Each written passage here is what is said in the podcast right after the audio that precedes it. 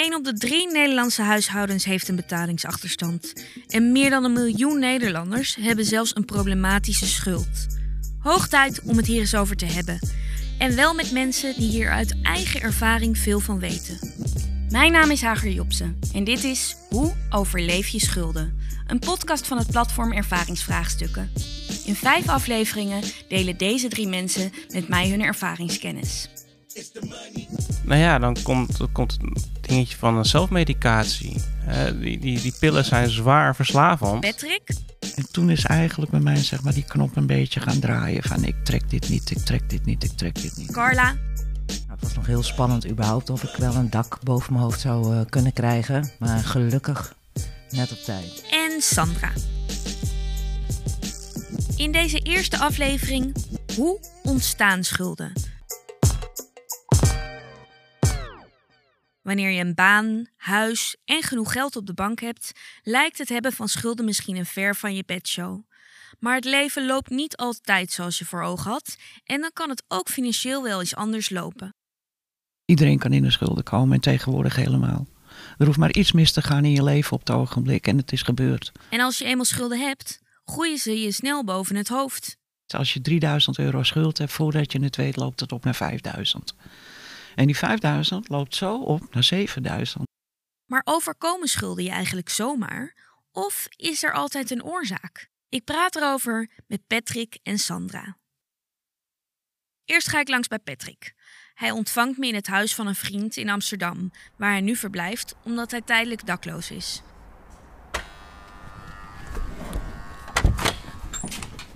Hoi.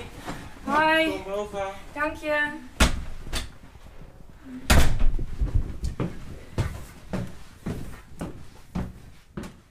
Ruim 20 jaar geleden ontdekte hij drugs. En vanaf dat moment liepen de schulden op. Inmiddels gebruikt hij al vijf jaar niet meer. Uh, ja, nou ja, mijn naam is dus Patrick. En ik ben een herstellende verslaafde, zoals ik mezelf noem. Ik heb een uh, hele indrukwekkende uh, carrière achter de rug als verslaafde. Ik heb een heleboel dingen gebruikt en ook een heleboel dingen niet. Ik heb een heleboel dingen gedaan om aan mijn drugs te komen. En ik ben nu nou, ruim vijf jaar in herstel, zoals we dat dan noemen. Um, en ik mag me tegenwoordig ervaringsdeskundige noemen binnen het buurteam van Amsterdam Centrum. Patrick is nu 41. We spoelen even terug naar hoe zijn leven eruit zag toen hij 18 was. Want verslaafd raak je natuurlijk niet zomaar. Ik ging naar school, ik had een bijbaantje. Um, ik sport op heel hoog niveau. En ik had een leuk vriendinnetje. Dus eigenlijk zag het leven er op dat moment heel erg rooskleurig uit. Patrick hockeyt op hoog niveau. Ja, ik heb internationaal mogen meedoen met, het, met Jong Oranje. En, en echt op, op uh, internationale wedstrijden gespeeld. Dus ik heb voor Nederlands elftal ben ik uitgekomen. Uh, Jong Oranje dan. Um, en ik heb toernooien in Pakistan en in Australië meegemaakt. En hoe, hoe was die periode? Beschrijf dat eens. Vaag, raar, maar ook wel heel leuk. Je, komt in een wereld terecht waarvan je eigenlijk niets weet. Ik bedoel, mijn, mijn, mijn ouders zijn gewoon arbeiders. Ik kom uit een arbeidsgezinnetje en toen was hockey toch wel zo'n elitaire sport. Um, veel, ja, ik, dus ik, kwam, ik was, was een beetje een raar wereldje wat, wat mij betreft. Maar wel hartstikke gaaf om mee te mogen maken ja, dat soort toernooien mee te doen, het was, was heel bijzonder. Maar dan gaat het mis. Ik kreeg een zware nekblessure. Um, ik, mijn ouders gingen uit elkaar. Mijn vriendinnetje maakte het uit. En uh, ik kwam in aanraking met drugs. Oké, okay, even een stapje terug. Want die nekblessure was niet zomaar een nekblessure. Die nekblessure is dus, was dusdanig zwaar dat um, dus de, was een minimale revalidatie van twee jaar. En dan was het nog maar de vraag of ik ooit zou terug kunnen keren op datzelfde niveau van sport wat ik deed. En dat, dat is ook nooit gelukt. Um, ik was keeper en een van de belangrijkste factoren van keeper is je reactievermogen, je reactiesnelheid. En mijn sterke punt was mijn, uh, mijn hand-oogcoördinatie. Ik kon jou recht in je ogen aankijken en dan eigenlijk bij wijze van spreken met de rechterhand zo de bal uit de bovenhoek tikken. Zonder dat ik mijn oogcontact met jou verloor. Omdat ik gezien had waar die bal vandaan kwam. De baan van de bal had ingeschat en daar al mijn stick had neergezet. Dat kunstje was ik kwijt. Dus ik kon niet meer terugkeren op dat hoge niveau. Voor Patrick is dat mentaal een enorme klap. Ja, ik verloor alle lust van het leven. Verloor ik. Mijn grote droom was weg. Uh, ik speelde Jong Oranje. Ik, trainde mee met het grote Oranje. Uh, Taco van der Boogaard en Teune Nooier. Uh, al die grote namen trainde ik aan mee. En er was een hele grote kans dat ik in 2000, het jaar dat het Nederlands elftal nog een mooie plak heeft gehaald op de Olympische Spelen met hockey, dat ik er mee zou gaan hè, op mijn 20-jarige leeftijd. En die kans was, was weg. Die was gewoon door mijn neus geboord.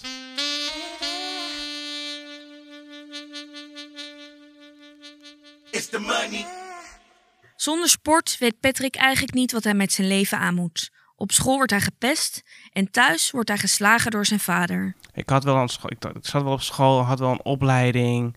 Ehm, maar ik was eigenlijk gewoon een meelopertje die niet wist wat hij wou, omdat hij zich gefocust had op zijn sport. Ik probeerde een, een, stoere jongen te zijn, wat ik eigenlijk helemaal niet was. En, en waar kwam dat vandaan, dat stoere jongen willen zijn? Door niet gezien worden thuis. Mijn moeder was emotioneel niet aanwezig. Die, die had haar eigen problemen, onverwerkt trauma, wat ze, wat ze nog mee moest dealen. Um, mijn vader, dat was een, is een, was een, ik weet het niet precies, ik heb hem al twintig jaar niet gesproken. Um, is iemand die zijn handen niet thuis kon houden. Dus op het moment dat er iets aan de hand was, dan, dan gebruikte hij geweld om de zaak op te lossen. Um, en dat heeft het wel toegeleid dat ik nou ja, dus op school extra mijn best ging doen om bij de stoere jongens te willen horen. Omdat ik thuis wel vernederd genoeg werd. Vanwege zijn nekblessure geven de artsen Patrick zware medicijnen. In het ziekenhuis kwam ik in aanraking met, nou ja, wat ik nu dan maar noem de legale harddrugs. De, de zwaardere pijnstillers, de morfine, de oxycodon, de tramadol. Um, en dat vond ik wel heel erg lekker. Ik had al een keer een jointje gerookt. Ik, had al, kende de, de, alcohol, de, werking daarvan, die kende ik natuurlijk al. Uh, die medicatie, dat was gewoon heel anders. Ik, met alcohol verloor ik mezelf altijd een klein beetje. Ik raakte de controle kwijt. En ik kon inderdaad ineens die stoere jongen zijn die ik anders niet was. En met die medicatie had ik toch nog iets van... Dat was anders. Het gaf een veel fijner gevoel. Was een, ik werd in plaats van, uh, van, van heel erg loslippig werd ik gecontroleerd. Ik kon mezelf, ik werd een stuk kalmer in plaats van een stuk wilder. Maar er is één ding dat Patrick dan nog niet weet. Die, die, die pillen zijn zwaar verslavend. Um, dat wist ik toen niet. Dat was me ook niet uitgelegd. Het werd ook, was ook, werd ook niet uh, afgebouwd. Er werd cold turkey werd gestopt met die medicatie. En ik kreeg ontwenningsverschijnselen. Dus ik had heel veel last van mijn lijf, waardoor ik echt zoiets van, ja, maar dit klopt niet. Dus ik ben weer naar de dokter gegaan en toen kreeg ik weer een stripje van een paar pillen voorgeschreven. Ook nadat Patrick uit het ziekenhuis is ontslagen, heeft hij veel pijn. Hij laat het sporten helemaal links liggen. Om de pijn niet te hoeven voelen en omdat hij er graag bij wil horen, stort hij zich in het nachtleven. Ik kom in een, in een discotheek terecht en daar zegt iemand tegen me: Oh, ik weet wel een plek waar, je, waar je die gewoon kan kopen, die pillen. En dan in het illegale circuit ga je, ben ik op zoek gegaan naar die spullen. Uiteindelijk had die beste persoon maar ook maar een beperkte voorraad. Maar die wist wel weer iemand anders die wat anders had, wat erop leek. Waardoor ik die pijn nog wel onder controle kon blijven houden. Nou ja, en zo ben ik uiteindelijk aan de opium, aan de opium geraakt. Na de opium raakt Patrick verslaafd aan andere soorten drugs. Ik heb opium heb ik niet zo heel erg lang gebruikt. Uh, omdat ik ook andere dingen ontdekte. Uh, en ik heb heel veel drugs gebruikt. Ik ben, uiteindelijk ben ik ook aan de cocaïne geraakt. Uh, maar ecstasy, GHB, cocaïne, neem het. En ja, je raadt het al. Al die drugs kosten natuurlijk geld niet om trots te zijn of zo, maar mijn hoogtepunt heb ik bijna 1000 euro per dag aan cocaïne weggebruikt. Waar hij het geld voor die drugs vandaan haalde, vertelt Patrick me later. Maar eerst maak ik even een uitstapje naar Arnhem, waar ik langs ga bij Sandra. Woon je hier al lang? Eh, vier jaar nu inmiddels. Ja, wel Ja. lek- lekker rustige buurt. Ja, dat hangt een beetje vanaf waar je zit. Ja? Ja, dit stukje wel hoor. Je denkt dat je het financieel voor elkaar hebt. Maar dan? Ga je opeens scheiden? Word je ziek? Of raak je je baan kwijt? Dat gebeurde ook bij Sandra. Tot zes jaar geleden woonde ze met haar man en twee kinderen in een koophuis in Arnhem. Maar een scheiding en een burn-out zetten haar leven volledig op zijn kop. Het is op zich een heel leuk wijkje qua eh, huizen en eh, allemaal monumentaal. Ja. Een stadsgezicht. Maar eh, je hebt echt plekken waar je liever niet uh, loopt s'avonds. Oh, jezus. Nu woont ze hier in een sociale huurwoning. Het huis hoogt gezellig. In de kamer staat een knalrode bank met kussentjes. Een grote kater ligt tevreden te spinnen. En het huis staat vol met planten. Ja, ik ben gek op planten. Sandra maakt koffie voor ons en we gaan zitten aan de houten tafel in de woonkamer. Zo, Ja, is goed. Ja, perfect, lekker.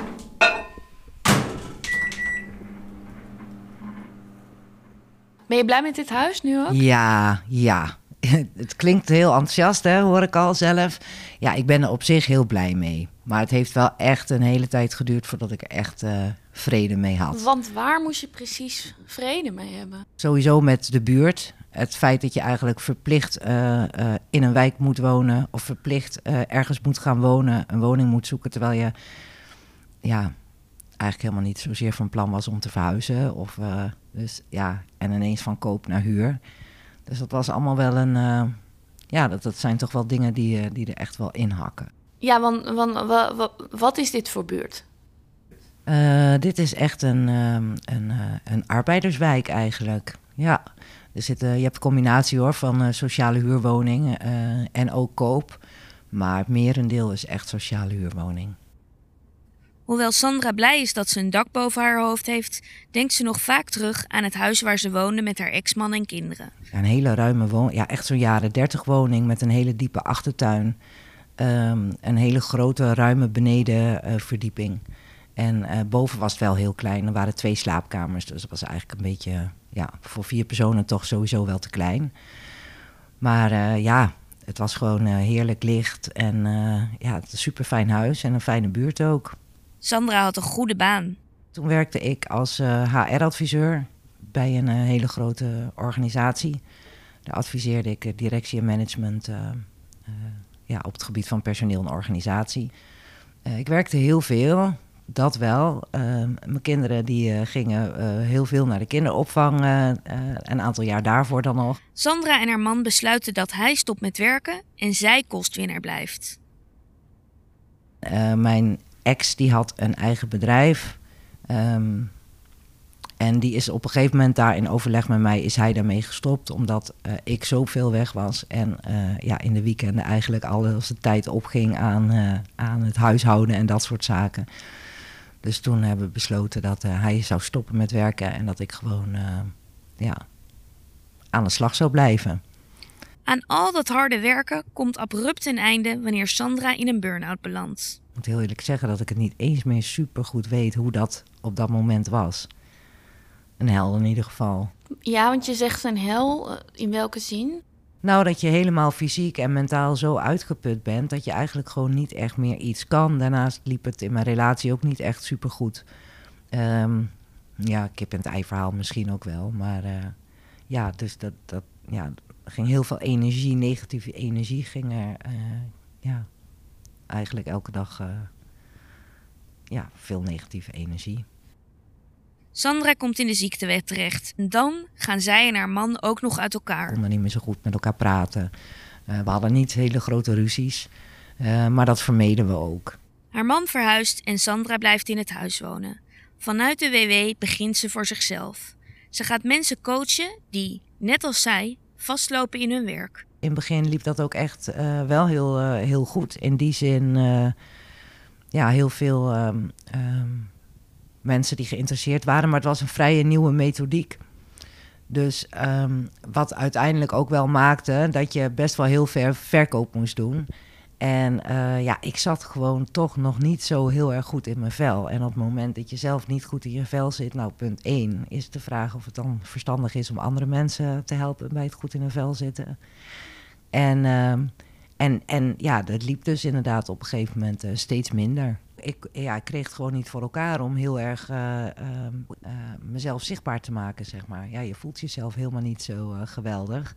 En dan is het heel lastig om jezelf in de, in de schijnwerpers te zetten.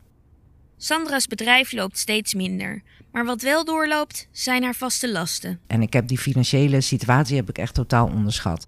Sinds ze in de WW zit, ontvangt Sandra nog maar de helft van wat ze daarvoor verdiende. Uh, met name de hypotheek, dat was toch echt wel, een, uh, echt wel een ding. Dat was toch wel een heel groot bedrag ineens. Het, het, is niet meer geworden dan dat het was, maar ineens is het gewoon een heel groot bedrag om toch elke maand te moeten betalen. En dat lukte dus op een gegeven moment ook niet meer. De eerste schulden beginnen zich op te stapelen. Ja, ik kreeg belastingaanslagen, um, maar ik had natuurlijk ook een eigen bedrijf. Uh, maar op een gegeven moment bleek er iets niet helemaal goed te zijn gegaan. En uh, daar is het eigenlijk begonnen. Dus daar moest ik een heel groot deel van terugbetalen.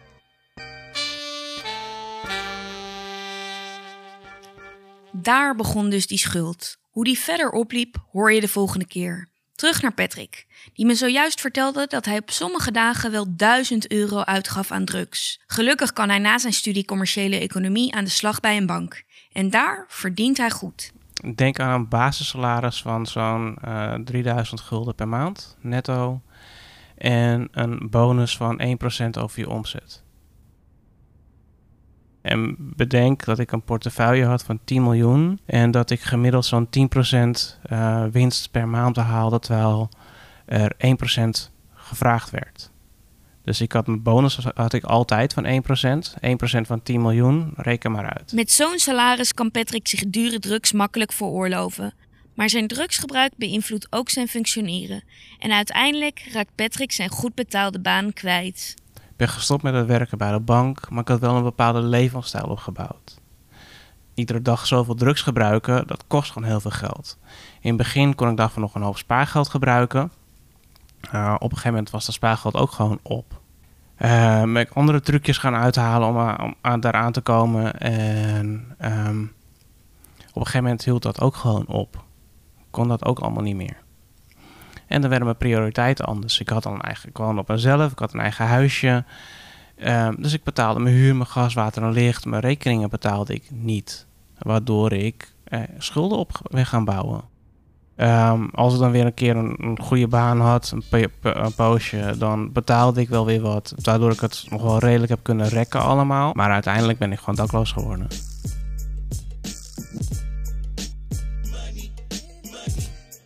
Hoe Patrick daarmee omging, hoor je de volgende keer. In Van kwaad tot erger. De tweede aflevering van Hoe overleef je schulden.